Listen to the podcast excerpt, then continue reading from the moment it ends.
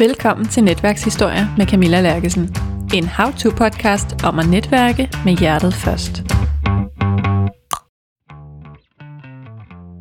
Rigtig hjertelig velkommen til et helt unikt afsnit af Netværkshistorie.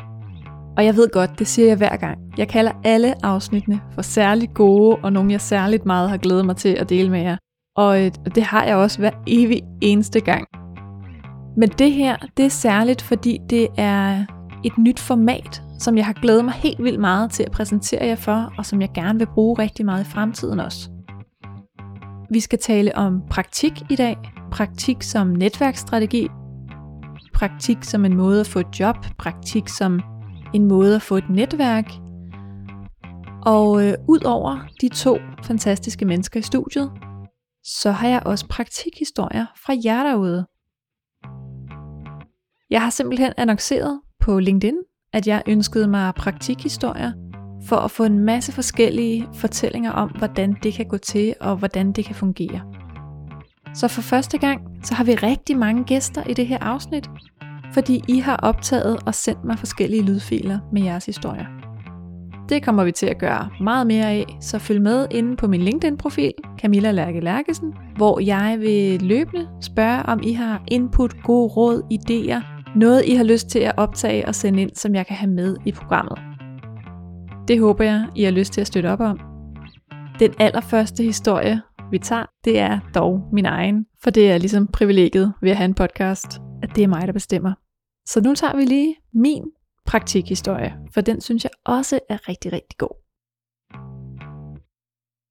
Det var faktisk først, da jeg var på vej ind til det her interview, inde ved øh, Vesterport, inde ved søerne, at det gik op for mig, eller at jeg fik reflekteret over, hvor meget min egen praktik, den egentlig fyldte, hvor stor en oplevelse det var, det her med at have en første rigtig voksen arbejdsplads med en e-mail-signatur og kollegaer, der arbejdede med ens fagfelt.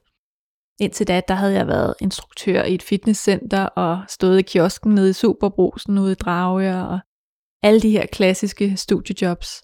Jeg var i praktik hos Billetto, som blev startet blandt andet Henrik Axelbo, som er med i dag. Og jeg var ikke i sådan en meritgivende praktik, som vi taler om i dag.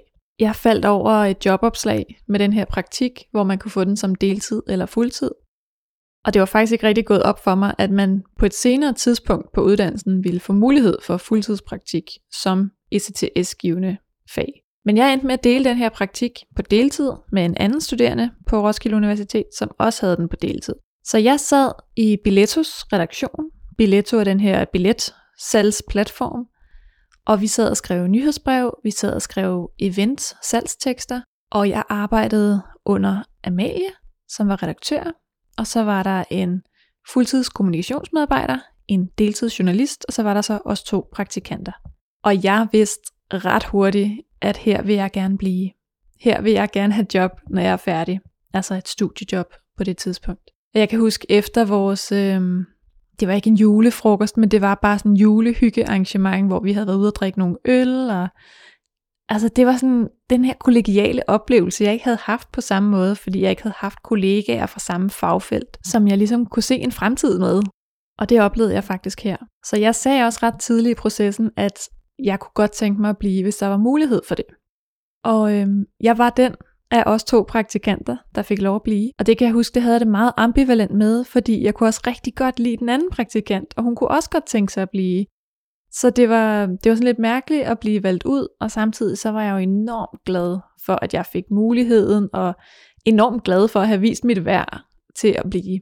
Og øh, det her praktik, den udvikler sig faktisk ret meget, fordi jeg, tager, øh, jeg får et studiejob, og jeg er der noget tid, og så øh, stopper jeg faktisk for at gå selvstændig ved siden af mit studie, fordi øh, den her artikel om at være introvert, den har grebet om sig, og jeg begynder at holde nogle foredrag, og jeg kan godt se, at jeg har ikke tid til det hele. Så jeg siger op for at gå selvstændig, og øh, så går der noget tid, et år eller sådan noget, og så ringer de fra Billetto og siger, at de har været nødt til at lægge redaktionen om, og Amalie, redaktøren, har fået et nyt job, fordi hun skal ud og prøve noget andet nu. Og så ringer de faktisk og spørger, om jeg vil overtage redaktionen. Og øh, den er så blevet lavet om, så det skulle være kun mig, der sad med den. Så jeg ville blive redaktør, og jeg gik kun på tredje eller sådan noget semester på Københavns Universitet på det her tidspunkt. Og så kunne jeg blive redaktør for den her kommunikationsafdeling. Det var jo for vildt. Så det var jeg nødt til at sige ja til, og så satte jeg min egen virksomhed på hold og tog ind og var redaktør. Men som I måske kan regne ud, så øh, var vi som sagt en fuldtidsredaktør, fuldtidskommunikationsmedarbejder og to praktikanter til at løfte redaktionen før. Og selvom det absolut ikke blev forventet, at jeg leverede fem menneskers arbejde, så var der absolut mere i det her job, end jeg lige kunne løfte ved siden af studiet. Ikke mindst fordi jeg jo ikke helt kunne give slip på min egen virksomhed. Jeg blev ikke så længe som redaktør, men tænk engang, hvad sådan en praktikforløb det faktisk kan munde ud i. Det var jo en kæmpe genvej til et spændende, spændende studiejob, som kunne have været et spændende, spændende fast job, efter jeg blev færdig. Og så er det bare sjovt, at nu har jeg lige for nylig fået en øh, ny opgave for en kunde, hvor der er rigtig meget arbejde i MailChimp, og der kom jeg bare til at tænke på, da jeg lavede det her afsnit, at alt hvad jeg ved om MailChimp, det har jeg lært fra Amalie. Hun har lært mig alle de gode tricks og hacks, så jeg er super skarp på MailChimp, fordi jeg var i praktik på første semester på min uddannelse. Så jeg kan kun melde mig ind i koret af alle dem, der siger, go for it, tag noget praktik, få noget erfaring, og kom af sted ud og vise dit værd i praksis.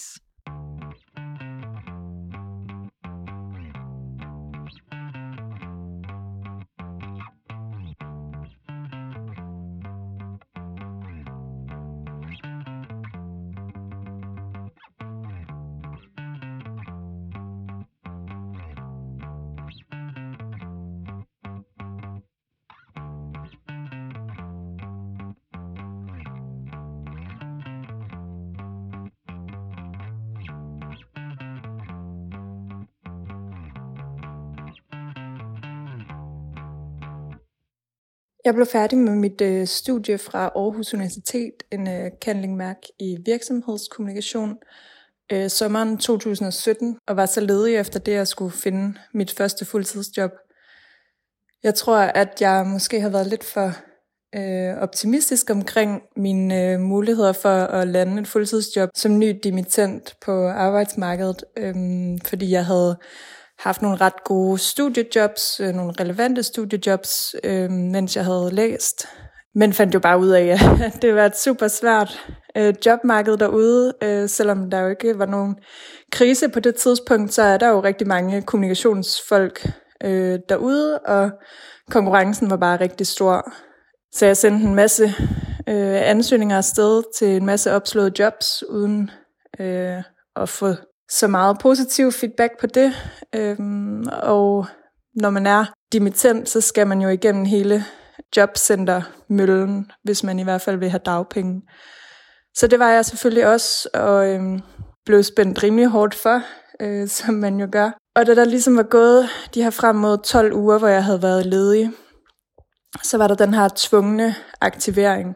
Og jeg synes ikke, at mit, øh, min, mine oplevelser med jobcentret var, var så positive, så altså, jeg blev nærmest stillet i udsigt, at hvis jeg ikke selv fandt noget, så kunne jeg risikere at komme ud og altså, blive jordbærplukker eller sådan noget, og det er der jo absolut intet dårligt i. Det var bare virkelig ikke noget, jeg havde lyst til. Så øhm, jeg tænkte, hmm, jeg blev nødt til at gøre et eller andet, øh, og så skrev jeg et opslag ud på LinkedIn, øh, et rim, øh, som handlede om, at øh, nu var den her øh, hvad kan man sige, nærmest gratis periode med dagpenge og, og jobsøgninger, ligesom ved at være slut. Og jobcentret ville gerne have, at jeg skulle ud i en virksomhedspraktik. Så jeg tilbød ligesom mig selv øh, i virksomhedspraktik til, hvem der end kunne finde, finde det interessant og relevant. Øhm, og havde egentlig ikke rigtig forventet, eller jeg vidste ikke helt, hvad jeg skulle forvente at få ud af det her opslag. Men det nåede ekstremt øh, bredt ud, og jeg, ja, der var en fin interesse på det, og fik flere henvendelser, og nogle var mere relevante end andre. Og så blev jeg så kontaktet af Carsten Clemensen, som er øh, hvad hedder det, dansk direktør, eller faktisk nordisk direktør for den virksomhed, der hedder BRR, øh, Industrial Automation, som er et datterselskab af en kæmpestor øh, industrivirksomhed, der hedder ABB. Og det var ikke nogen, jeg overhovedet kendte noget til. Øh, så det var sådan lidt... Øh, Lidt specielt, men øh, fik jo en snak med ham, og han talte om, hvad, hvad de ligesom kunne tilbyde i en praktik, og hvad, øh, hvad han tænkte, det kunne være for nogle opgaver, man kunne sidde med, og også bare lige det hele taget hørte om, hvad jeg var for en person, og hvad, hvad jeg ledte efter. Og så kort tid efter var jeg til en samtale øh, hos dem, og der var deres øh, marketingchef øh, Maria Gravesen også med, øh, og det var bare en, en rigtig god samtale og en god oplevelse for mig at være øh, på deres kontor og møde dem. Jeg havde bare en god fornemmelse med, hvordan virksomheden var, og hvordan det ville være som arbejdsplads, både øh, professionelt og socialt. Øh, så jeg var rimelig hugt på, at det skulle blive til en praktik. Og, øh, og de tilbød mig det så. Og så startede jeg, og øh, man skal jo, selvom man er i en virksomhedspraktik, øh, det skulle man i hvert fald på det tidspunkt, skal man jo fortsætte øh, sin jobsøgning og være, være aktiv på den front. Øh, så jeg blev ved med at sende øh, ansøgninger ud. Jeg blev faktisk kontaktet af, af en anden virksomhed og blev kaldt til samtale der øh, om et, et job. På det tidspunkt havde jeg jo allerede stiftet rigtig godt bekendtskab med BRR, i og med at jeg var i den her praktik, og jeg lærte jo, begyndte at lære folk bedre at kende, og opgaverne og udfordringerne, og følte, at jeg begyndte at kunne bidrage. Øhm, så tog ligesom en snak med Carsten og Maria om, hvad, hvad de tænkte, der skulle ske, fordi nu er jeg ligesom blevet kaldt til samtale et andet sted om et rigtigt job. Og de sagde ligesom, så synes de, at vi begge to, øh, begge parter skulle tænke os godt om, og det gjorde jeg så, og det gjorde de.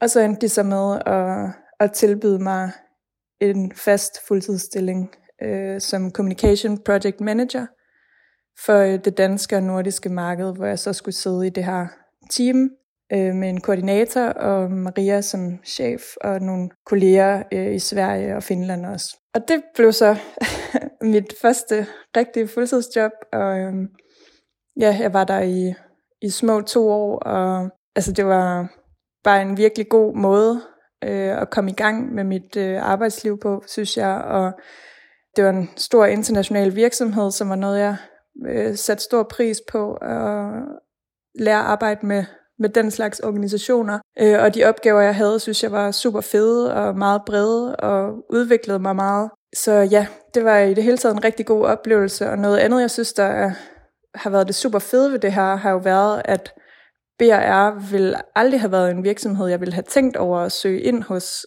Ikke fordi der var noget dårligt ved dem, jeg kendte dem simpelthen bare ikke. Og så var det også en branche, øh, ligesom den her tech- øh, og automatiseringsbranche, som jeg heller ikke lige havde set mig selv i, men øh, som jeg også synes var super spændende, og som jeg jo også kan se efterfølgende har givet mig nogle, nogle fordele, når jeg har søgt andre steder, fordi det er bare en branche med ekstremt meget fart på, der er meget udvikling i den. Så, så det har været en, en styrke, at jeg har arbejdet sådan et sted. Og, og det var for mig rigtig positivt, at jeg lidt tilfældigt kom ind i det, fordi jeg tror ikke, at jeg sådan af mig selv øh, umiddelbart havde, havde søgt i den retning. Så ja, det, øh, det, altså, det er i hvert fald min positive øh, praktikhistorie. Øhm, og så har det også bare givet mig et rigtig godt indtryk af, øh, af BRR øh, som virksomhed, og jeg kunne jo også mærke den tid, jeg var der og oplevede det hele tiden, at det var bare et fokus for dem øh, konstant at have folk i praktik. Øh, mest studiepraktik var det, øh, hvor de havde rigtig mange inden fra de her robot-automatiseringsagtige øh, uddannelser. Og det tror jeg bare fungerede virkelig godt for dem, fordi at øh, de havde ikke øh, altså et, et super kendt brand, men de blev bare kendt i det her universitets- og uddannelsesmiljø som nogen, der virkelig gik op i at lære de studerende op på en praktisk måde. Ja, og det tror jeg bare, de har haft rigtig god succes med, og så har de kunne fastholde folk øh, efterfølgende og, og tilbyde dem faste ansættelser. Så jeg tror virkelig, det har, har været med til at gøre sådan, at de har, har kunnet få kompetente folk ind hele tiden, øh, fordi de, de fokuserer på det med det her praktik. Så øhm, ja, det, jeg tror, det, det var det, jeg ville, øh, ville bidrage med for nu. Var det ikke fedt lige at få en ekstra historie på? Altså, jeg er selv rimelig meget op at køre over det her koncept, så øhm, det håber jeg også bare, I er. Der kommer i hvert fald flere praktikhistorier efter øh, dagens afsnit, som er et interview med Henrik Axelbo og Nadja Barkoni.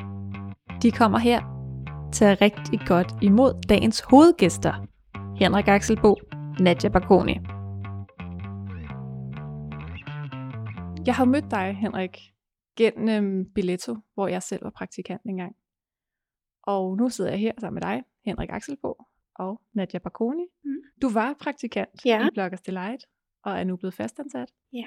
Så vi skal snakke lidt om, hvorfor man skal tage i praktik, og øh, hvordan man faktisk får en fastansættelse ja. på en praktik. Og øh, I skal have lov til lige at fortælle lidt om jer selv, inden vi går i gang. Hvem vil starte? Ja, godt. Mm.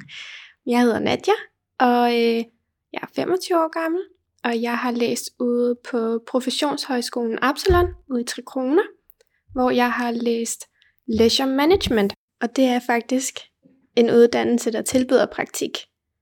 Øh, og så har jeg været i praktik i Bloggers Delight, og nu er jeg her, fastansat. Og hvad er det, du laver, Henrik? Jamen, øh, jeg startede Bloggers Delight sammen med nogle andre iværksættere for 10 år siden lige om lidt. Øh, her i marts 2021 har vi 10 års fødselsdag, og øh, vi har egentlig haft praktikanter, siden vi startede Bloggers Light, øh, og har haft rigtig, rigtig stor øh, glæde af det. Og ja, nu senest med, øh, med Nadja, vi har kunne, øh, kunne ansætte. Øh, og vi er jo et influencer marketing bureau netværk, så vi hjælper virksomheder med at øh, virksomheder i form af brands, der skal ramme forbrugerne øh, med at markedsføre deres produkter og service ved at bruge influenter. Så det er YouTuber, Instagrammer, blogger osv. Så, det er sådan, det vores virksomhed laver. Ja, og hvordan er det, det hænger sammen med de her praktikanter? Hvor tit får I nye praktikanter? Hvor mange praktikanter har I?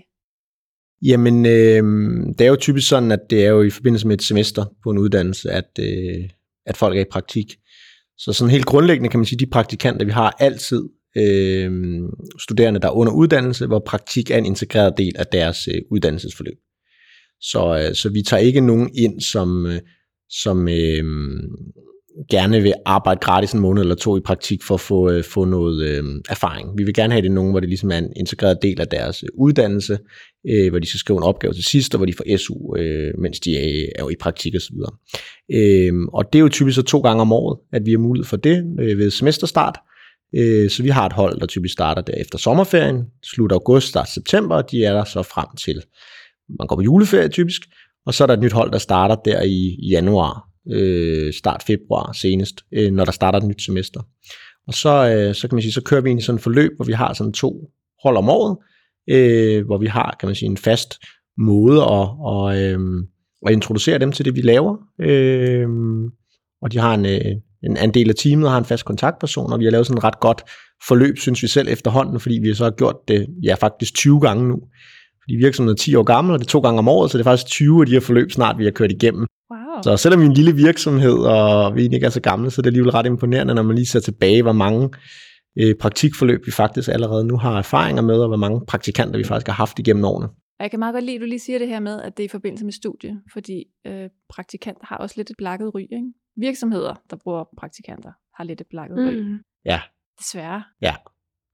Ja, så altså det, det for, for at vi synes, det giver værdi både for, for den studerende, praktikanten og for os, så er det vigtigt for os, at folk er her i de her 3 til måneder. For det er rigtig svært at nå at komme i, altså bare det at starte et nyt sted, øh, også hvis man starter i et, et job, jamen den første måned går meget med lige at falde til at lære folk at kende, og øh, vide, hvor kaffemaskinen er, når der ikke lige er corona, og vi er her på kontoret, og, og alle de her ting.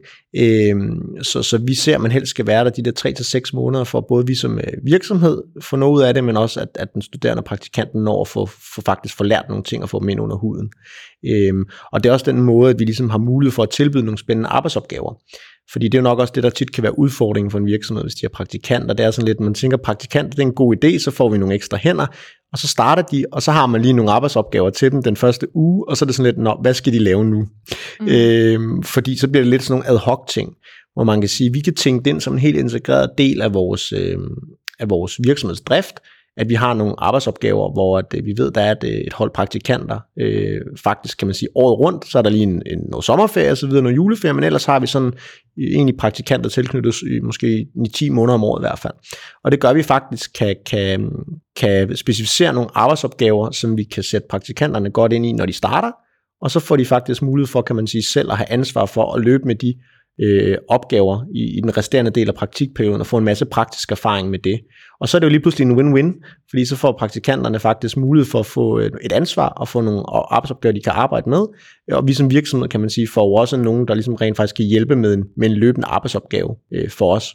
Øh, og det er jo ligesom en proces, og det er jo igen, nu har vi været i gang i 10 år og haft 20 øh, praktikanter, så vi prøver hele tiden at blive lidt bedre hver gang til at lave det her forløb øh, så godt som muligt, både for praktikanten og for os som virksomhed.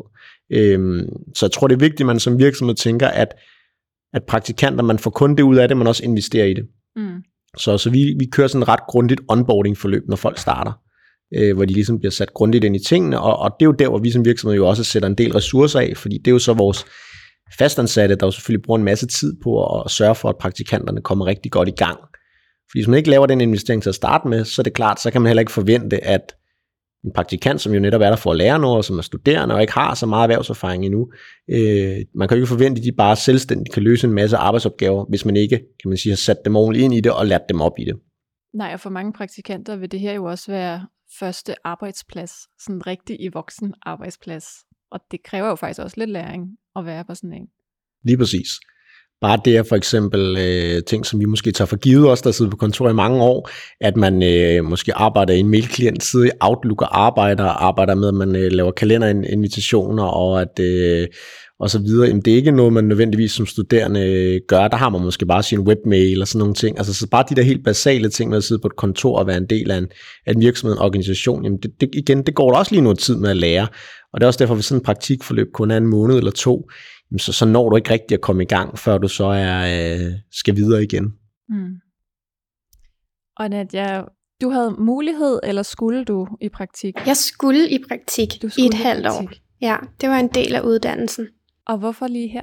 Vi havde faktisk en gang om året øhm, sådan en dag, hvor der bare var en hel masse virksomheder ude og præsentere sig selv og øh, fortælle, hvad man kunne lave hos dem i praktikken, og ja, hvad, hvad arbejdet gik ud på. Og allerede det første år øh, var jeg over ved Bloggers Delight, over ved deres båd, og høre, hvad jeg kunne stemme, og hvad de kunne tilbyde, og jeg synes bare, det lød mega spændende. Øhm, og så var de der igen året efter. Jeg var først i praktik sent i uddannelsen, så jeg nåede lige at komme det igennem to gange.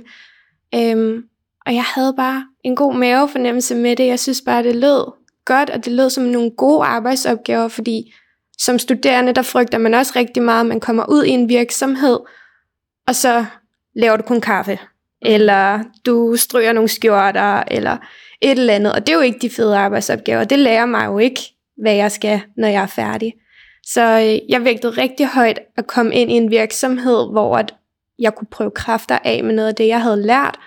Og der øh, tror jeg også lidt, jeg faldt for, at det var en, en lidt mindre virksomhed, hvor der ikke var så mange ansatte, fordi så føler jeg, at man kommer lidt bedre ind i det. Øhm, så jeg gik med min mavefornemmelse, som jeg egentlig havde helt fra start, og så var det her, jeg søgte, og var kun til én samtale, og det var det. Fedt. Ja.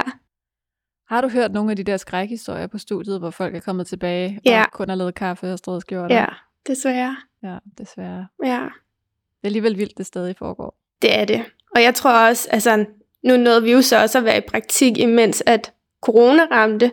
Så det var jo også altså, noget helt nyt. Det var der jo ikke nogen, der vidste, hvordan man lige skulle håndtere det. Øhm, og der var rigtig mange, der endte med slet ikke at komme i praktik, og der var nogen, der endte med at blive altså, fyret for deres praktik, eller fordi at de ikke kunne bruge dem alligevel. Øhm, og vi kunne bare fortsætte herinde. Jeg var i praktik sammen med tre andre.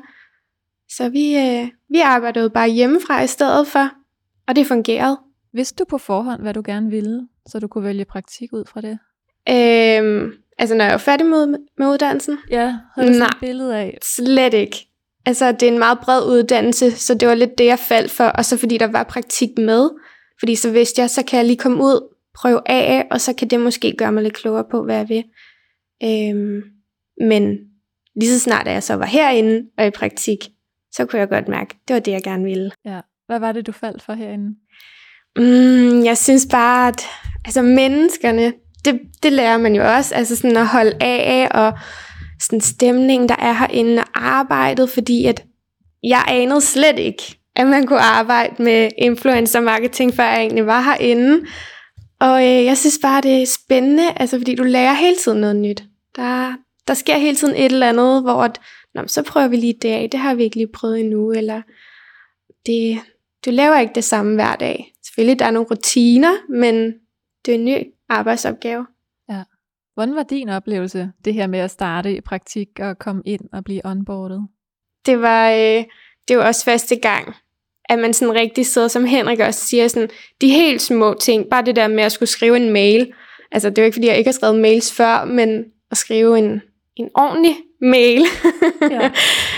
øhm, og jeg synes, at vi blev altså, sat virkelig godt ind i det. Nu har vi jo sådan to teams, vi arbejder i, og jeg sidder inde ved kampagne. Og selvom at jeg har været inde i kampagneteamet, så fik vi stadigvæk lov til at lige at komme med ind og høre, hvad de laver inde ved salg. Og lige få en fornemmelse med, sådan, hvad sidder de egentlig og laver til dagligt, og komme med ud på nogle møder og høre lidt, sådan, så man får en god forståelse for hele virksomheden. Jeg er nysgerrig på at høre mere om, mm. hvordan du sådan har udviklet dig under forløbet. Hvad har du lært? Øh, hvad har jeg ikke lært? øhm, det, er jo, det er jo det hele. Altså, øhm, bare det her med at altså, tage den der lidt mere professionelle rolle og gå fra at være studerende til at sådan, ja, sidde og være kampagnemanager, og man egentlig sådan kan have et stort overblik. Det er i hvert fald noget af det, jeg fandt ud af, at med det her arbejde, der fandt jeg lige pludselig ud af, sådan, okay, men det, det kunne jeg godt, fordi man siger jo altid sådan, om jeg er god til at have mange bolde i luften, men det er ikke altid, man lige sådan ved, om man rent faktisk er god til det. Og der tror jeg bare, at med de øh, møder, vi også havde internt herinde, hvor at min kontaktperson herindefra tjekkede op på, om alt det gik godt, der blev jeg bekræftet i, at om det kunne jeg altså godt. Var god til at sådan holde overblikket, og det synes jeg i hvert fald, øh, det har været lidt en øjenåbner på en eller anden måde. Ja. Øhm, ja. Men det er rigtig interessant, det Nadja siger der, fordi vi oplever det jo også, når vi skal ansætte folk, og vi har også øh, ansat nyuddannede øh, i stillinger herinde, som ikke har været i praktik nødvendigvis. Og, øh, og det er jo rigtig fint, at man har et stillingsopslag, hvor der netop står, at man skal være god til at have mange bolde i luften, eller hvis man skal sidde i en salgsrolle, som vi jo også har herinde, at man ligesom selvfølgelig skal kunne trives med det. Øh, men man ved det jo rent faktisk ikke, hvis man ikke har prøvet det. Øh, og, og, man, og man har måske nogle gange nogle forventninger om, at man er god eller trives med noget, men når man så rent faktisk har været i det nogle måneder, så finder man ud af, at det var faktisk ikke lige mig. Eller omvendt, som, som Nadia måske lidt beskriver her, men nogle gange bliver man også positivt overrasket en anden vej, at der er nogle ting, man ikke lige tænkte, var det, man skulle arbejde med, eller det, man var god til, eller det, man interesserede sig for, så viste det sig faktisk, at det var det. Og det er jo det, der er helt kernen i praktik det er jo, at, at, øh, at den studerende faktisk øh, får nogle førstehåndserfaringer med sådan noget konkret arbejde, og finder ud af, hvad, hvad er det, de tænder på, og hvad er det, de synes er, er, er, er fedt. Øh, og det har jo en kæmpe værdi øh, for os som virksomhed også, fordi at der var ikke noget værre end at, ansætte nogen, hvor, hvor man begge sidder til en jobsamtale og, og, og, og tænker, at det skal være det, øh, og så efter noget tid finder man ud af, at det var ikke det alligevel. Det er jo bare en rigtig ærgerlig oplevelse for, for alle parter, og, øh, og man kan sige, det, det er jeg ret sikker på, at vi ikke, nu er Nadia jo øh, næsten lige blevet øh, øh, fastansat, fordi hun først lige er blevet færdig med studiet, men, øh, men vi ved jo begge parter godt, hvad vi går ind til. Vi ved jo godt, hvad det er, Nadia kan, og, og hvem Nadia er, og Nadia ved jo også, hvem vi er som virksomhed, men ved jo også, hvad hendes arbejdsopgave er. Mm. Så, så man kan sige, det er jo ikke sådan om to måneder, at hverken vi eller Nadia bliver sådan overrasket over, hvad det var, der skulle ske. Øh, og det kan man jo altså i højere grad blive, hvis man ansætter nogen, øh, man ikke selv har haft i praktik, men jo også nogen, der måske bare ikke har haft uh, direkte erfaringer med, med den pågældende arbejdsopgave, og har en, en idé og en tro på, at det er noget, de godt vil, og noget, de kan, øh, og så viser det sig nogle gange efter noget tid, at, øh, at det godt være, at de kan det, men, men, men det er jo ikke lige det, de tændte på. Øh, så der har praktikken jo bare en kæmpe, kæmpe værdi for, for både virksomheden og den, og den studerende, fordi at, at man ved ligesom, det, det er jo en lang gensidig, kan man sige, jobsamtale. Altså, øh, praktikanten skal jo synes, det er et fedt sted at arbejde, og, og, og hvad hedder det, øh, arbejdspladsen skal jo også øh, synes, at, at de passer ind og løser arbejdsopgaverne godt. Og, og det ved man altså efter de her 3-6 måneders praktik. Øh, så er det lidt sådan en no-brainer. Så det er derfor, når vi står og skal mangler en, en person i vores team, og vi har nogen, der lige har afsluttet deres praktik, eller nogen, der har været i praktik tidligere og blevet færdiguddannet, jamen så behøver vi jo slet ikke at gå ud og, og lave et jobopslag eller søge, fordi vi, vi har jo allerede nogle, nogle gode kandidater der. Mm. Øhm, så, så det har vist sig at være utrolig værdifuldt for os, og vi har, lige nu har vi syv ansatte, som alle sammen har, har været i praktik og efterfølgende blev ansat. Øh, og det er jo en ret stor del af vores organisation faktisk. Ja, det må man sige. Og er det så, fordi I vækster helt vildt, at I kan ansætte syv ud af de her 20, jeg har haft igennem? Eller er det også, fordi I får klædt nogen på til at komme videre ud af redden? Ja, men altså ligesom alle andre virksomheder, så er der jo en eller anden udskiftning. Nogle gange skal folk noget andet, og vi har også nogen, der går på barsel, og så er der måske et barselsvikariat, man bliver ansat i, og så videre. Øh, og så selvfølgelig er vi jo også vækstet. Altså vi er jo en vækstvirksomhed, så generelt over årene er vi jo blevet flere og flere. Øhm, så, og vi har jo haft mange, mere, mange flere end 20 i praktik faktisk, fordi som Nadia også nævnte, så, øh, så var hun på hold med tre andre. Oh, ja, så, så lige nu er vi faktisk, har vi jo faktisk nogle praktikhold af fire praktikanter i gangen. Så det betyder, at vi har faktisk otte i praktik om året.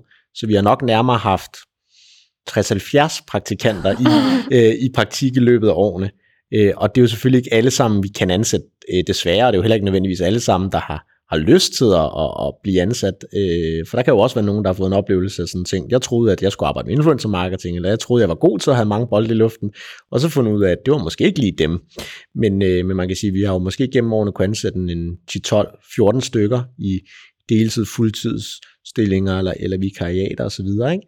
Så, så det er jo lige, når det passer, når vi som organisation står og mangler en, og, og der så er en tidligere praktikant, der står for eksempel og bliver færdig og mangler et job, jamen så kigger vi altid først i vores, kan man sige, pulje af tidligere praktikanter og ser, kunne der være nogen, vi kan bruge der? Fordi så kan vi lige så godt række ud der, frem for at skulle ud og lave et jobopslag og få en masse ansøgere og, og skal en masse til, til samtale. Øh, så, så vi kigger altid først i vores kan man sige, pulje af tidligere praktikanter. Ja, det er meget sjovt, for jeg har lige optaget et afsnit øh, med Sofie Henriksen, hedder hun, hvor vi taler om det her med, at, at det er så svært at vise sine kompetencer på skrift, og at vi kan næsten ikke forstå, vi er også nogle netværksnørder begge to, vi kan næsten ikke forstå, hvordan folk de kan få job gennem den der gamle proces, fordi virksomheden aner ikke, hvad de går ind til, og kandidaten ved ikke, hvad de går ind til, og hvordan fanden kan man lykkes med altså en skriftlig ansøgning og to samtaler, som mange de nøjes med. Så det, det er meget fint i tråd med det, at man er nødt til at kende hinanden for at få et rigtig godt resultat.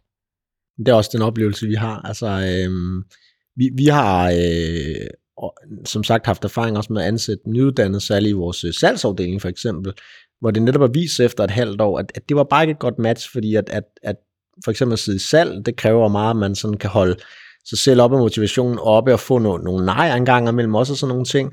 Og det er fint nok, at man sidder til en jobsamtale begge parter og, og snakker om, at det, det tror jeg godt, jeg har lyst til, og det kan jeg godt lykkes med, det kan jeg godt trives med. Men når der så er gået et halvt år, så, så kan det bare være, at man ikke trives med det. Ikke? Øh, så, så der kan man sige, der, der går vi med ud, og, og i det tilfælde og gerne vil finde nogen, der har erfaring for eksempel med salg for nogle andre steder, fordi så ved vi, at, at det i hvert fald ikke sådan den del af, af arbejdet, øh, den har man erfaring med, at man godt ved, man, man trives med. Ikke? Mm. Øh, og, så så det, det er bare, øh, det er jo det allervigtigste for en virksomhed som os, som er en rådgivningsvirksomhed, der rådgiver virksomheder med influencer marketing. Altså vi er jo en, en, en sådan human resource tung virksomhed. Altså det vi jo sælger, det er jo vores rådgivning og ekspertise og projektledelse, så det vil sige, det er jo faktisk os, altså de mennesker, der er i organisationen, der er en stor del af den værdi, vi sælger, øh, øh, de services, vi sælger. Så, så, så det er jo den vigtigste ressource, vi har, det er jo at have de rigtige folk ansat. Og det betyder både, at de skal have de rigtige kompetencer, men det betyder jo også, at de skal være motiveret og trives med at have den rolle, de har. Og, og derfor er noget af det aller øh, dyreste øh, og, og mest frustrerende for en virksomhed som vores, det, det er, når man, når man ikke øh, får ansat de rigtige. Mm. Øh, så alt, hvad man kan gøre som virksomhed for at sikre, at, at, at de folk, man ansætter, har de rigtige kompetencer, men også passer ind i kulturen, og ligesom trives med arbejdsopgaverne, det, det, er, det er bare en kæmpe gevinst.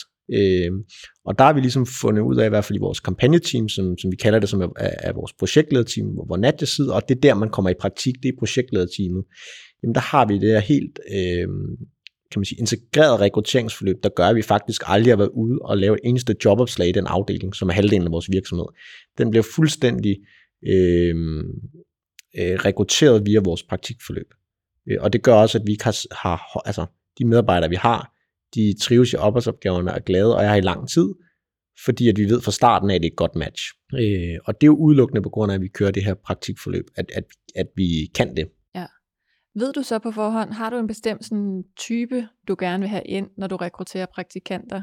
Fordi der er jo også rum for at eksperimentere og lege, når man ved, at det er et praktikforløb på et halvt år. Ja, masser. Jeg synes, det er rigtig svært at, at forudse.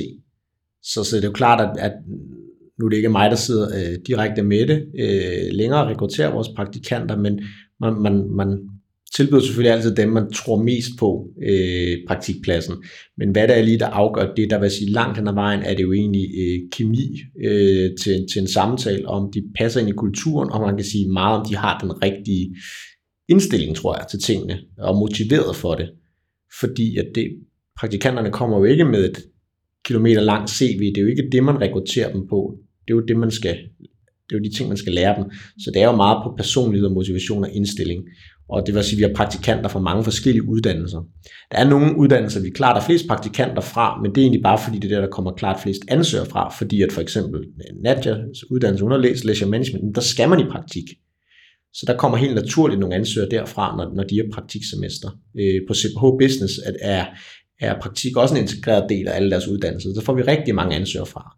Men vi har også haft øh, kandidater fra øh, CBS og fra Syddansk Universitet og fra Danmarks Mediejournalisterskole osv., men, men der er det mere noget, øh, den studerende proaktivt vælger. Mm. Så, så vi har ikke nogen præferencer, om man skal have en specifik uddannelse eller, eller noget. Øh, også fordi, at øh, jeg, jeg tror, at hvis man sådan øh, vender det, når man siger, okay, når vi ansætter praktikanter, når vi ansætter et hold med fire, ved vi så allerede der ved ansættelsesforløbet, hvem af dem der er, vi tænker, at vi tilbyder et job seks måneder senere, hvis vi har et. Og, og der, der er min mavefornemmelse, at nej, det aner vi ikke. Og det aner praktikanten jo heller ikke. Øh, så det er jo det time will tell. Altså det er jo det, at man, man, man får først det fulde billede, når, når praktikforløbet er godt i gang, mm. om det er det der gode match. Så, øhm, så, så det er jo der, der gælder det egentlig bare om at, at tage dem, man sådan tænker, der, der passer godt ind og er motiveret. Øh, og så øh, for nogle måneder, så har man et ret godt øh, billede af begge parter, om, om det kunne være noget på den længere bane også.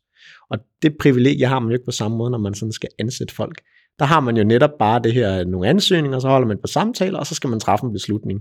Mm. Øh, og, øh, og ligesom mange andre, så er udfordringen også, at der kan man nemt blive forført, forstår mig ret, til en, øh, til en jobsamtale.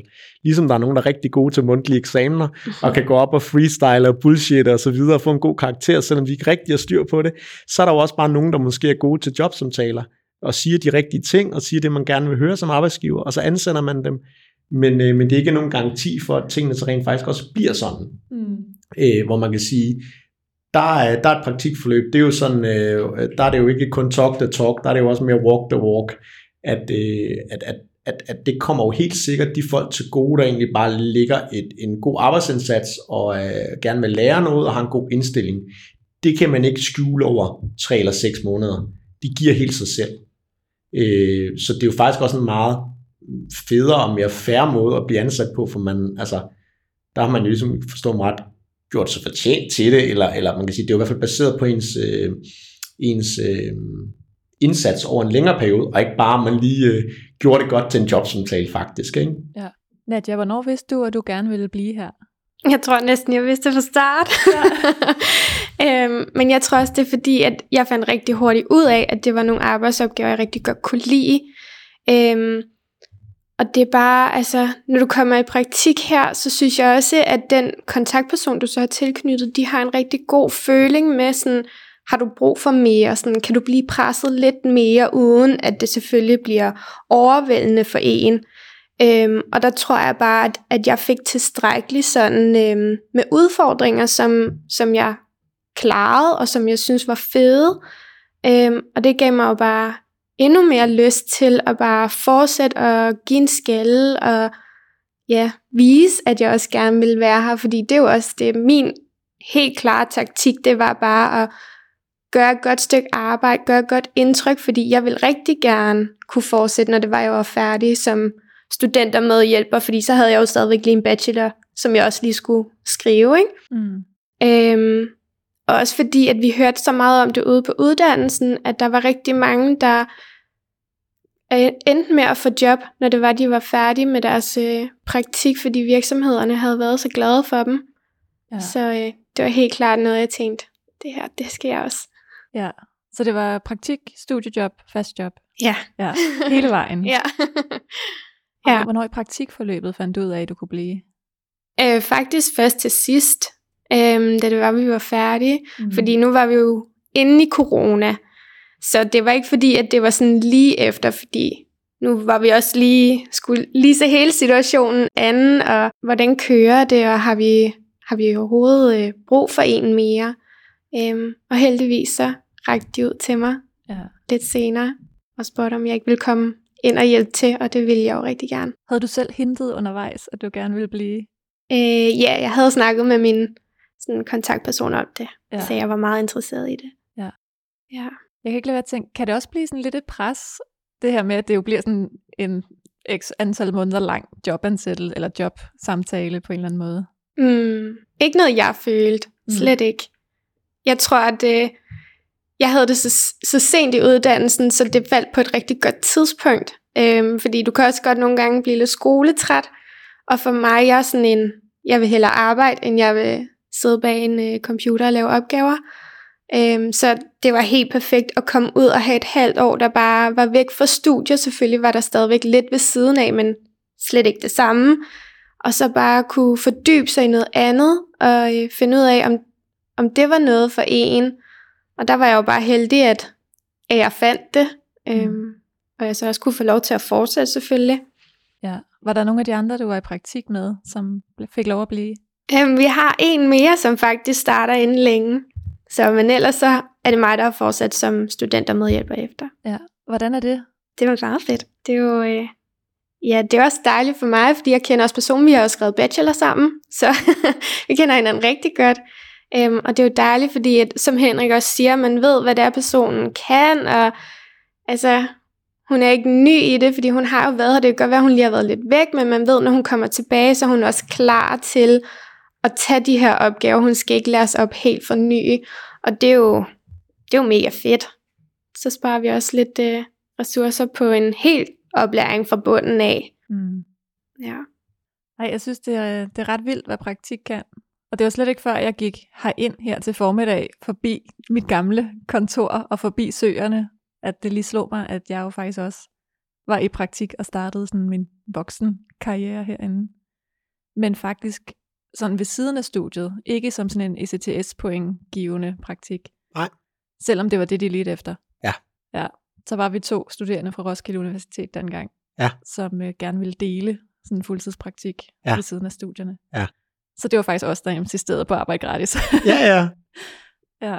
Jamen, der er vi så heldigvis typisk så privilegeret, at vi får ligesom øh, godt med ansøgere, som, som opfylder de her kriterier, vi egentlig helst vil. Men det er jo klart, at hvis det ikke er muligt, så, og der er nogle andre, så kan det, altså, kunne det jo godt være, at vi også vil være fleksible, men vi har heldigvis ikke stået i den, øh, den situation. Nej. Øhm, og man siger, det er også vigtigt for os, at vi lover heller ikke noget, eller sælger heller aldrig noget i udsigt, fordi at, at et halvt år er lang tid i sådan en, en virksomhed som vores, så vi ved aldrig, hvordan verden ser ud om et halvt år. Så, så vi, vi rekrutterer heller aldrig øh, praktikanter med sådan en... Øh, øh, med sådan en similåning om, at hvis du gør det godt, er der et job, fordi at, at du kan gøre det helt vildt godt hos os, og stadig ikke få tilbudt et job, fordi det kræver jo, at vi har et ledet job på det givende tidspunkt. Mm. Øh, så også i forhold til det, at jeg siger, det er heller ikke sådan, at vi prøver at gøre det til en eller anden konkurrence blandt dem, der så er i praktik om, hvem der så får et job, eller sådan, altså fordi det er slet ikke sikkert, der er job, og nogle gange kan der være, der er to, som, øh, som, som i det her tilfælde. Øh, men det er jo selvfølgelig rart at vide som praktikant selvfølgelig, at, at der er en mulighed for det, og at man ved, at, at vi i hvert fald kigger den vej, øh, hvis det bliver, øh, bliver relevant. Ja. Og så er det jo også netop meget det, som, som Nadia siger, det vi kigger meget efter, det er det sådan dem, der har lyst til at tage ansvar. Øh, det er jo altid sådan en balance netop, at, at, at man skal jo sørge for, at øh, der ikke er for meget at lave for en praktikant, ligesom for en medarbejder, så det, så det bliver for overvældende, men man skal også sørge for, at der ikke er for lidt at lave, og, og det er jo der, hvor vi prøver at have den der føling med den enkelte, fordi det kan der også være meget forskel på, øh, når vi har fire praktikanter. Folk er jo forskellige, øh, og nogle har også øh, altså længere frem i deres studier, måske mere erfaring end andre osv., så, så deres udgangspunkt er ikke nødvendigvis det samme. Men det der med hele tiden prøve, kan man sige, dem man kan mærke, der gerne vil presses på den gode måde, og udfordres på den gode måde, og tage noget mere ansvar, jamen øh, der har vi jo ligesom også en struktur, der ligger op til, at det vil vi gerne give.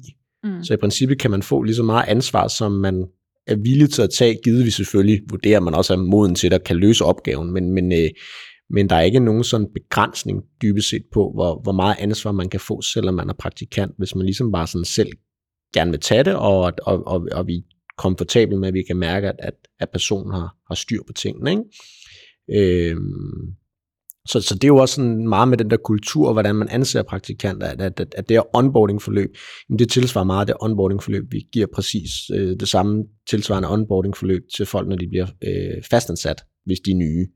Så, så vi anser egentlig praktikanterne som en lige så integreret del af teamet, som hvis de var blevet øh, fastansat. Det er jo meget, hvis det er det mindset, der er i organisationen, så, øh, så gør det jo også, at man kan sige, at, at man måske implementerer og inkluderer praktikanterne på en anden måde, men det gør selvfølgelig også tilsvarende, at der også bliver stillet nogle, nogle forventninger, nogle krav den anden vej. Øh, de to ting hænger jo sammen. Øh, og der er vi sådan, kan man sige, har vi bare rigtig gode erfaringer med, at, at selvom at det er studerende og praktikanter, hvis vi bare giver dem nogle oplæring, og vi har så også nogle ret klare processer og systemer, vi arbejder indenfor, der ligesom gør, at, at, øh, at man har ligesom en eller anden, øh, kan man sige, spille, øh, eller en spilleplade bevæge sig indenfra. Øh, jamen, jamen, så er vi jo egentlig nærmest kun blevet positivt overrasket over, hvor meget ansvar øh, man egentlig kan give en øh, praktikant, og de faktisk kan, kan løfte.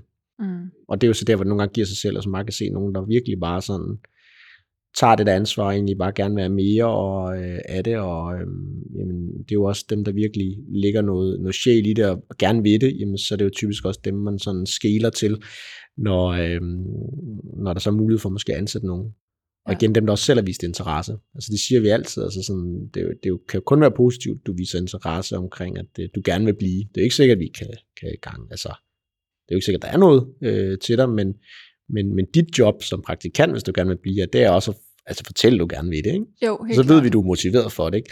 Så det er jo også bare sådan en opfordring til, hvis man er i praktik. Altså sådan, man skal endelig bare, øh, så snart man ved, okay, det er det noget, jeg faktisk godt kunne have lyst til at, at fortsætte i, så meld det, meld det ud. Ja. Altså, øh, så, så arbejdspladsen ved det, fordi det er jo ikke nogen selvfølge. Mm. Øh, der kan være nogen, der måske har et eller andet studiejob, de gerne vil tilbage til, eller, eller bare ikke sådan, du ved, har et fint praktikforløb, men tænker, nu har jeg prøvet det, nu skal jeg prøve noget andet. Øh, så hvis man godt ved, at man, at man gerne vil blive et sted, jamen, så endelig bare meld, øh, meld rent flag ud, så, så tidligt som muligt, fordi så giver det mulighed for, for praktikstedet at ligesom have en med i tankerne i ens planlægning. Ja, lige præcis. Man kan lige så et lille frø. Ja, lige præcis. Er der et eller andet, vi tænker, hvor I tænker, det skal vi lige have med? Ikke andet, jeg vil også opfordre studerende, hvor de måske ikke nødvendigvis skal i praktik, ja. og, og tænke, om de ikke bør prioritere det. Fordi at, øh, altså, nu har jeg haft virksomhed i 12 år, og tidligere det sad jeg også et sted, hvor jeg var, var involveret i at ansætte folk, så jeg er jo ansat efterhånden, når man tager praktikanter med flere hundrede folk. Og, øh, og jeg kigger altså aldrig på gennemsnit. Hvis du spørger mig, hvad mine medarbejdere der har haft af gennemsnit, eller nærmest også virkelig en uddannelse, de har haft, så ved jeg det faktisk ikke nærmest. Altså, det, det er ikke det, der betyder noget. Altså, vi ansætter meget mere på personlighed og indstillinger, og om det matcher ind i kulturen, og så selvfølgelig også øh, altså relevant erfaring, erhvervserfaring. Mm. Og det er klart, som nyuddannet, så har man jo ikke en masse relevant erhvervserfaring nødvendigvis, men en af de måder, man faktisk kan få noget, det er jo ved at været i praktik.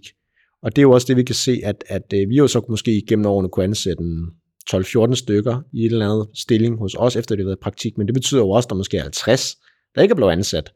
Men mange af dem øh, kan jeg jo se, fordi jeg har dem alle sammen på LinkedIn, og følger jo stadig med, jamen de havner jo øh, nogle af dem andre steder i, til, altså i vores branche. Og der er de jo alt andet lige formentlig kunne bruge det at have deres praktikforløb hos os på CV'et til at skille sig ud når de netop ligger i bunken med 30 andre ansøgere, som alle sammen har en fin uddannelse og måske et fint gennemsnit. Øh, men, men så er det jo typisk erhvervserfaringen, der, der, eller, der, der kan skille en ud. Ikke? Mm. Og, og, og det, der er det altså bare, tror jeg, altså flere virksomheder går altså op i, hvis man har haft en relevant praktik et sted inden for deres branche, det tror jeg altså springer mere i øjnene, eller man har haft et givet valgfag.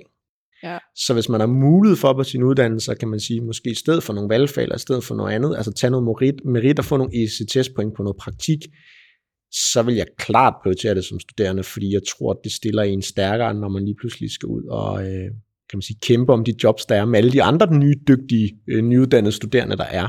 Ja. Hvad med sådan noget øh, anbefalinger og referencer? Bruger man stadig det?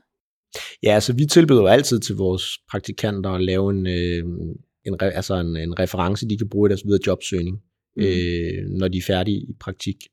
Øhm, og, og jeg får også løbende, kan man sige, henvendelser fra folk, der ansætter nogen, der har været hos os før, for at trække referencer.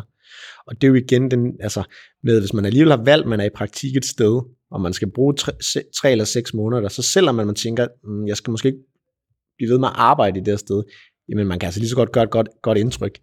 Fordi det er jo det, der gør, at man måske får en god anbefaling, eller når nogle andre rækker ud, at, at vi så som virksomhed med ro i maven godt kan anbefale en person. Mm.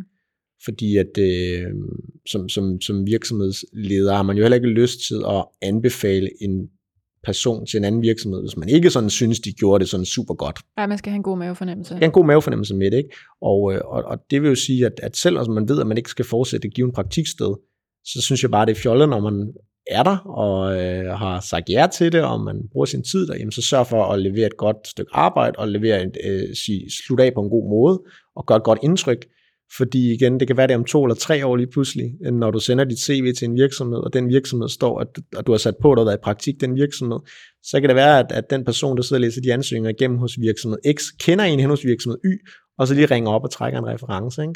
Og så er det jo ikke så fedt at være den øh, praktikant, hvor man sådan, måske efter lidt, lidt indtryk af, at man var lidt doven, eller ikke rigtig gad det. Nej, præcis. Så, øh, Ja, så man kan lige så godt det, øh, give godt indtryk, når man, når man er et sted.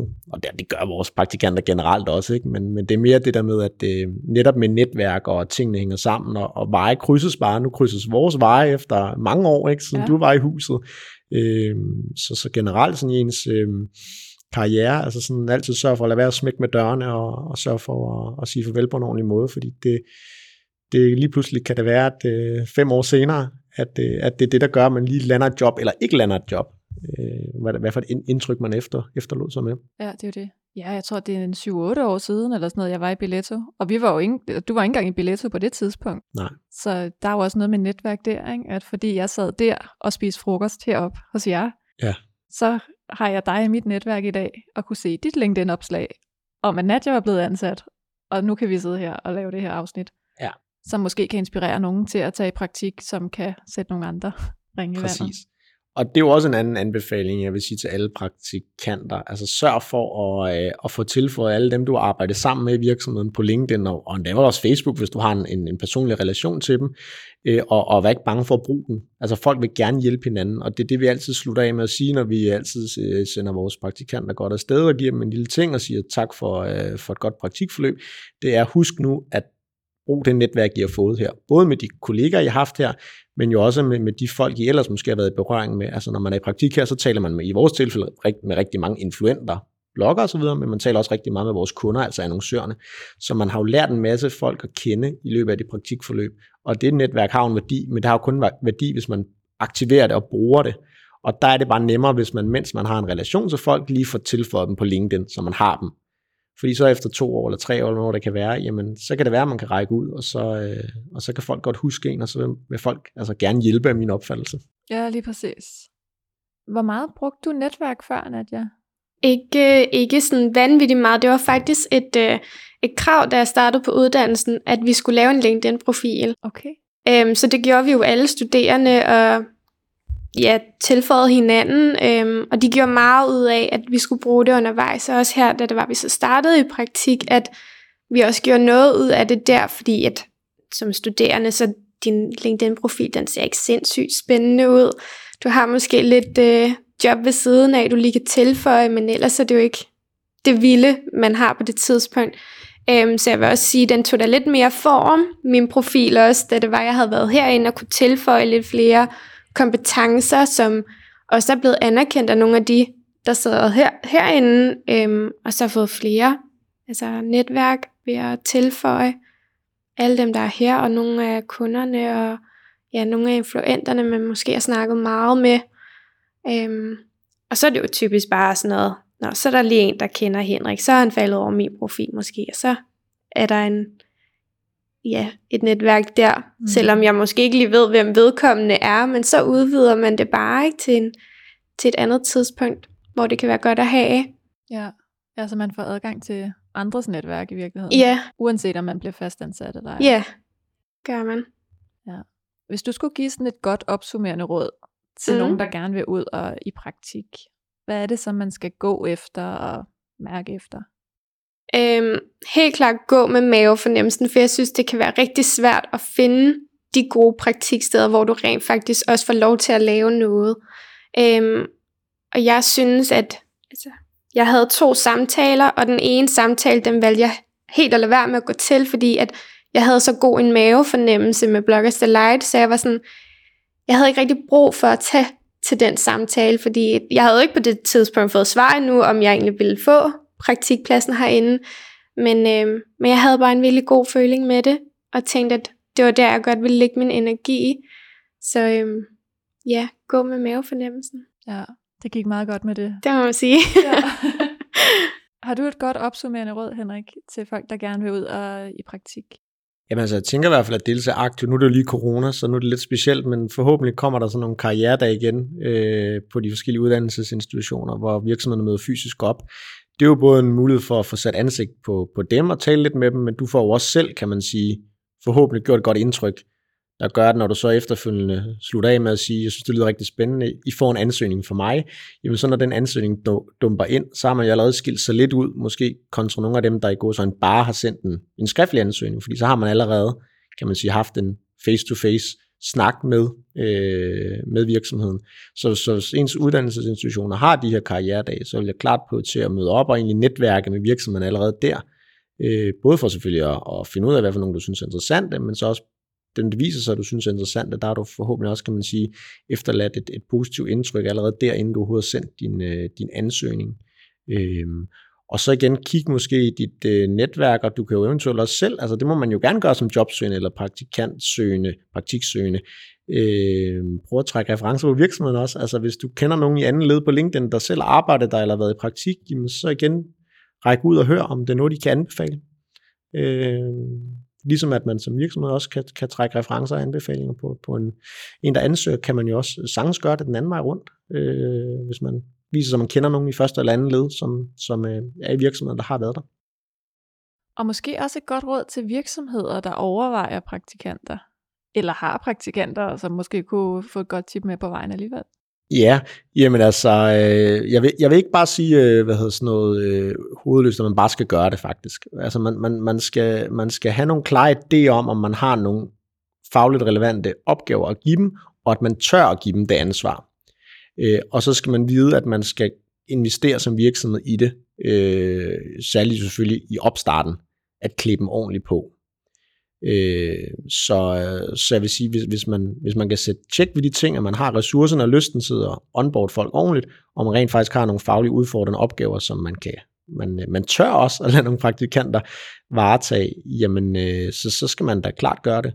Både ud fra sådan den kort sigt, at man kan få noget hjælp til nogle opgaver, men igen, der hvor vi jo også ser en kæmpe værdi, det er jo som sagt også på den lidt længere bane, at, at, det, at det er det, der er hele vores, kan man sige, rekruttering øh, i en, en stor del af vores virksomhed. At man også har ens kommende øh, stjernemedarbejder allerede legnet op, men lige kan, kan tilbyde job, så snart de er færdiguddannet. Ja. Lad det være ordene. Det var en fornøjelse at være tilbage. Det var mega nostalgisk og hyggeligt at se dig igen, Henrik. Lige måde. Hyggeligt at møde dig, Nadia. Ja, lige måde. Og tak fordi I ville være med begge to. Selv tak. Tusind tak, fordi du lyttede med, og øh, bliv lige hængende et øjeblik endnu.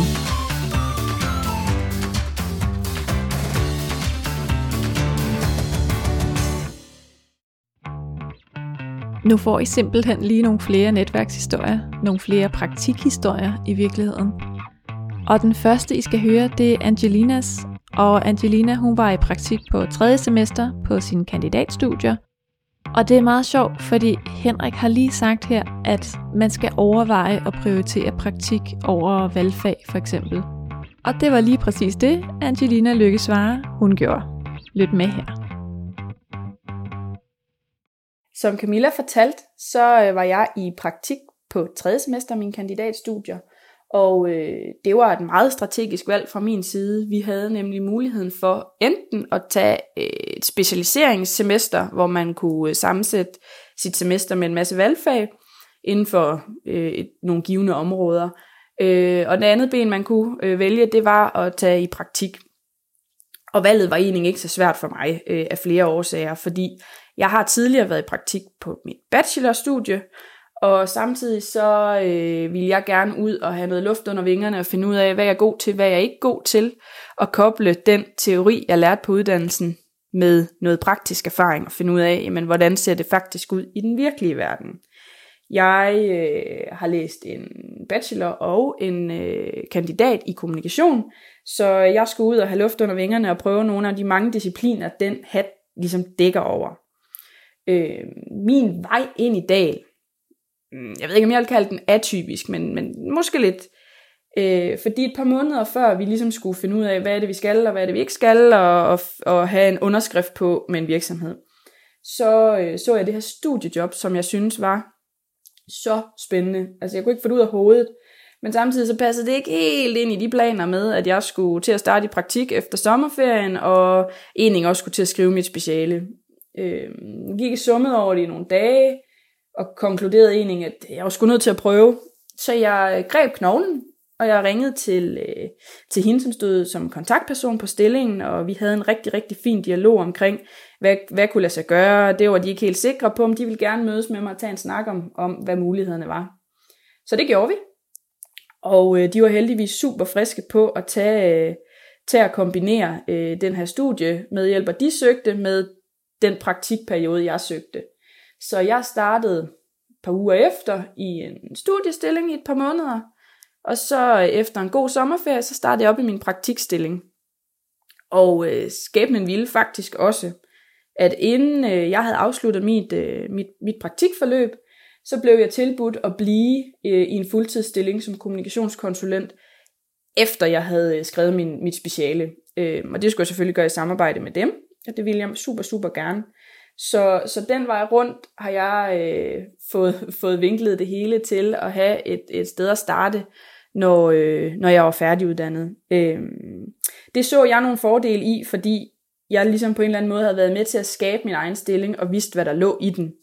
Øhm, øh, det, det kan for nogen være guld værd, og det kan for andre være, være en vej til at finde ud af, jamen, hvad er det, jeg vil, og hvad jeg ikke vil. Fordi fordelen ved en praktik, eller en virksomhedspraktik, eller studiejob, eller barselsvikar, eller hvad det måtte være, det er, at man får, får syn for sagen, man får lov at smage lidt på, hvad er det, min baggrund kan bidrage med, hvor er mine stærke sider, hvor er mine svage sider. Så man kan ligesom på en eller anden måde finde ud af, hvad er det, jeg gerne vil, og hvad er det, jeg ikke så gerne vil. Og samtidig så får man skabt et uvurderligt netværk, som kan hjælpe dig videre, og som på en eller anden måde også bliver dit største hæppekor, når du har brug for det. Øhm, så, så, så praktik og erhvervserfaring har altid for mig været super, super vigtigt. Og det har måske været på bekostning af nogle andre ting. Jeg kunne måske godt have fået 12 i et fag, hvor jeg måske har fået 10 eller 7, eller jeg har måske ikke lige været til et eller andet event, fordi jeg har arbejdet eller omvendt. Men det for mig har bare givet super, super, super god mening at investere min tid øh, i at komme i praktik. Og så har jeg egentlig i begge mine praktikker og i mine studiejobs haft nogle ledere, som har haft super stor fokus på, hvis ikke, og at jeg hjælper mig, hvis ikke de kan kunne hjælpe mig med at blive og udvikle mig, hvor jeg var, jamen så har de i hvert fald hjulpet mig videre. Så på den måde, så skaber det en eller anden synergi i, at du får et eller andet med dig. Om det er et job, om det er øh, stærkere indsigt i dig selv, eller om det er netværk.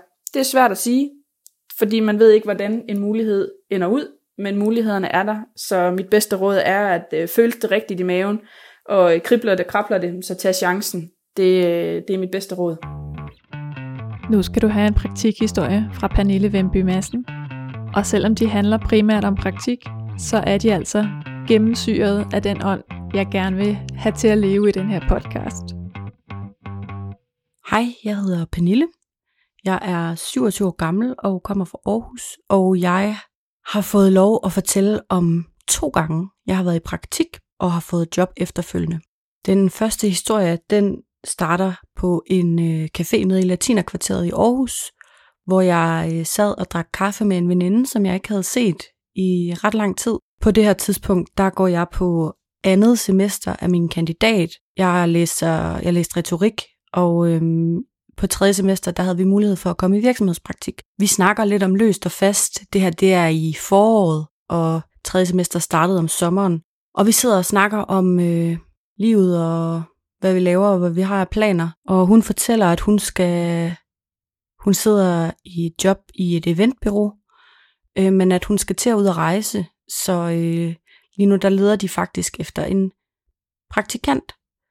Det var jo helt tilfældigt, at vi kom ind på det, men øh, jeg fortæller jo så, at jeg er på udkig efter en praktikstilling, og øh, at det lød mega spændende, fordi hun sad nemlig øh, med kommunikation, og det var jo det, jeg rigtig gerne ville. Og et eventbyrå, det lød bare mega fedt. Vi snakker lidt videre, og øh, det ender jo så med, at øh, hun beder mig om at sende en ansøgning til dem, og hun skulle selvfølgelig nok tage fat i chefen fra, øh, fra virksomheden og, øh, og lægge et godt ord ind for mig. Jeg sender en ansøgning umiddelbart efter, og øh, får sat i stand, at jeg kommer til samtale, og øh, får så praktikken, skal så starte allerede i maj, fordi det er der, deres højsæson starter, så de havde brug for en, der kunne, kunne tage over med det samme. Og øh, det gjorde jeg gerne, og øh, øh brugte jo faktisk hele min sommerferie på det, og efteråret. Det var virkelig spændende, og da min praktikstilling så skulle til at ophøre, så øh, spurgte min chef, om jeg ikke bare kunne tænke mig at, øh, at fortsætte som kommunikationsansvarlig. På det tidspunkt, der skulle jeg til at skrive speciale, så, øh, så det var helt oplagt bare at fortsætte der. Så jeg fik det sat i stand, sådan at jeg bare øh, jeg fortsatte i en deltidsstilling, og var der en tre dage om ugen eller sådan noget, og styrede deres kommunikation, mens jeg øh, skrev speciale, og øh, det passede mig bare rigtig godt, fordi det også var en rigtig fin måde at komme, komme lidt ud på og lidt væk fra speciale boblen. Egentlig så var det så meningen, at jeg efter jeg var færdig med mit speciale, skulle have fortsat i en fuldtidsstilling, men det er en øh, lidt shaky branche, og øh, tingene går ikke altid, som man lige håber og tror, de gør. Så derfor så, øh, så stoppede jeg desværre efter, øh, efter jeg var blevet færdig med mit speciale og var blevet og havde fået min kandidat. Men øh, det var i hvert fald øh, virkelig fedt øh, at få lov at opleve, at sådan et helt tilfældigt kaffemøde med en veninde kan lede til et helt års virkelig, virkelig spændende og lærerigt arbejde. Jeg blev rimelig meget bare kastet ud i det hele fra dag et og fik sindssygt meget ansvar, og det, øh, det passer mig rigtig godt. Det er jo nok sådan, det er også at være en, en lille virksomhed. Der får man rigtig meget ansvar. Det var den ene historie. Den anden historie, den begynder i øh, omkring december 2020. Der havde jeg været øh, ledig i knap et halvt år, og var ved at være godt frustreret. Men øhm, jeg har siden øh, 2018 været freelance, øhm, bartender, tjener, teamleder i, en, i et eventbureau nede på Aarhus Havn, som, øh, som jeg har været rigtig glad for at være ved, og som jeg også var ved i min ledighedsperiode. Der blev jeg i efteråret spurgt, om jeg ikke kunne tænke mig at komme ind og være projektleder i tre måneder sådan en projektansættelse, og øh, det sagde jeg ja til. Og det betød jo, at jeg var rigtig meget nede på kontoret. Normalt så er man jo meget bare ude af huset og til de der arrangementer, men jeg var rigtig meget nede på kontoret i den periode. Og øh, det er sådan et stort øh, kontor, som jo er sådan, det er lokaler, som normalt bliver brugt til fester og arrangementer og alle de her ting i weekender og om aftener. Men om dagen, så er det altså bare kontor, hvor der sidder alle mulige øh, freelancer og solo selvstændige og samarbejdspartnere og alle mulige forskellige mennesker, der kommer derned i løbet af dagen. Og op på første salen, der sad et andet eventbureau, som øh, arrangerede koncerter.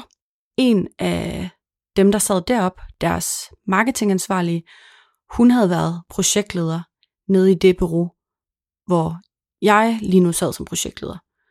Så hende kendte jeg godt, og hun var jo også projektleder på nogle af de arrangementer, som jeg var tjener og bartender osv. på, så hende kendte jeg godt. Derfor blev vi i december inviteret til en afskedsfest nede på eventbyrået, fordi hun skulle til Thailand og arbejde.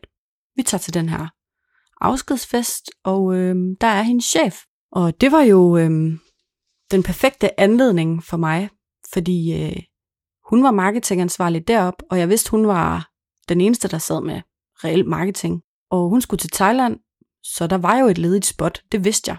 Så jeg så mit snit til lige at og få en plads over for ham. Så begyndte jeg lige så stille at spørge ind til, spurgte sådan, nå, men og, hvem han var, og hvordan virksomheden var startet, og og alle de her ting. Sådan lidt spurgte lidt nysgerrigt ind til ham og historien og virksomheden. Og fik så lige så stille drejet samtalen ind på den her marketingstilling, som jeg jo vidste øh, lige pludselig var ledig. Så jeg spurgte ind til, hvad han havde tænkt sig at gøre med marketing og hvordan der var ledes.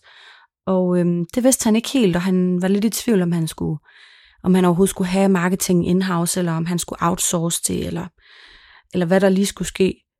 Så fortalte jeg ham jo, at jeg havde jo fire ugers praktik, jeg kunne give af, øhm, som jeg i hvert fald kunne bruge, mens han lige fandt ud af, hvad der skulle ske. Og argumenterede jo også stærkt for, at det er rigtig godt at have en marketingressource in-house, som ligesom kender virksomheden ind og ud og kan stå for den interne kommunikation. Det kunne han jo godt se. Han ville lige tænke over det. Og så gik der ikke ret mange dage, før han øh, kontaktede mig om, at øh, han ville gerne prøve at have mig i praktik. Men øh, mens alle de her praktikaftaler faldt på plads med jobcentret og så videre, så ville han faktisk gerne have mig til at starte på deltid. Blandt andet fordi en af hans andre medarbejdere lige havde sagt op, så for at sikre, at jeg fik øh, en, en ordentlig oplæring og så videre, inden hun var færdig, så skulle jeg ligesom starte der. Så jeg startede på deltid i januar 2020. I marts startede jeg så i praktik i fire uger. Og den praktik, den gik rigtig godt. Øh, jeg fik en, en rigtig fin oplæring, og på det her tidspunkt, der havde jeg jo allerede sådan fået sat mig ret godt ind i, i virksomheden og kommunikationen. Så da praktikken startede, der var jeg ligesom klar til bare at tage fat, fordi jeg havde været her øh, i de to foregående måneder. Og øh, praktikken gik som sagt rigtig godt, så da den var færdig, så øh, fik jeg lov til at fortsætte i et løntilskud. Og der har været øh, en masse med corona og så videre, som gjorde, at det blev forlænget, og vi fik nogle lidt andre muligheder. Men øh, jeg var i løntilskud i cirka et halvt år, og i oktober 2020, der blev jeg faktisk fastansat i virksomheden. Så øhm, det gik jo rigtig godt, og det er jo to, øh, synes jeg, ret gode eksempler på, øh, hvordan man ligesom kan bruge en praktik aktivt, uanset om den er et halvt år, eller om den er fire uger. Jeg har ikke selv haft succes med de her uopfordrede ansøgninger til virksomheder, hvor jeg tilbyder min praktik. Det ved jeg, der er andre, der har. Jeg havde ikke succes med det.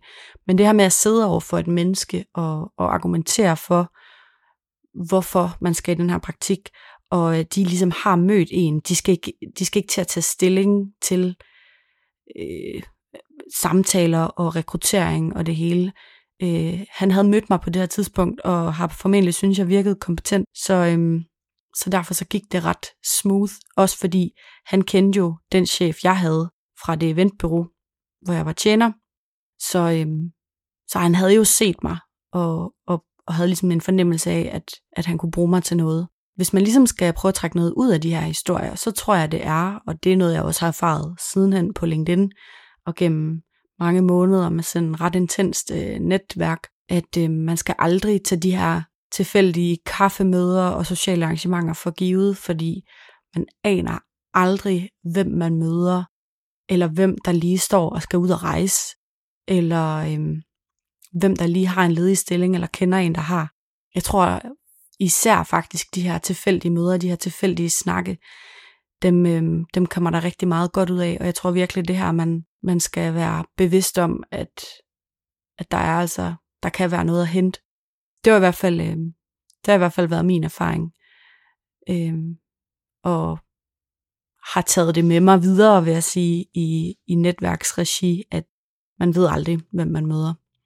Derudover vil jeg sige, at øh, i hvert fald når det gælder studiepraktik, øh, som i forbindelse med en bachelor eller en kandidat, så øh, det vi i hvert fald gjorde i min første praktik, det var, at vi lavede ligesom en officiel kontrakt med universitetet, som ligesom overholdt alle de her øh, øh, fra og til datoer, hvor længe må man være i praktik osv. Og, og så lavede jeg en, en intern øh, kontrakt med virksomheden. Så øh, fordi jeg skulle være i praktik længere tid, end jeg reelt set måtte, men det synes jeg ikke, at universitetet skulle blande sig i. Så, øh, så jeg, jeg var der længere, men øh, fik bare sindssygt meget ud af det. Og så vil jeg sige, jeg tror et rigtig godt råd, det er at kigge i efter nogle lidt mindre virksomheder. Øh, det er ofte her, der ikke er så mange ressourcer, hvilket også betyder, at de formentlig bedre kan se ideen i en, i en praktikant, Og, øh, og det, der er også som regel ligesom færre adgangskrav, fordi de heller ikke altid helt selv ved, hvad de har brug for. Så derfor er der bedre muligheder for ligesom at præge, påvirke både den, man sidder overfor i sådan et, øh, i sådan et møde, øh, og overbevise dem om, at de har brug for en, eller brug for den her funktion, men der er også øh, langt højere frihed og fleksibilitet i selve stillingen, når man så sidder der.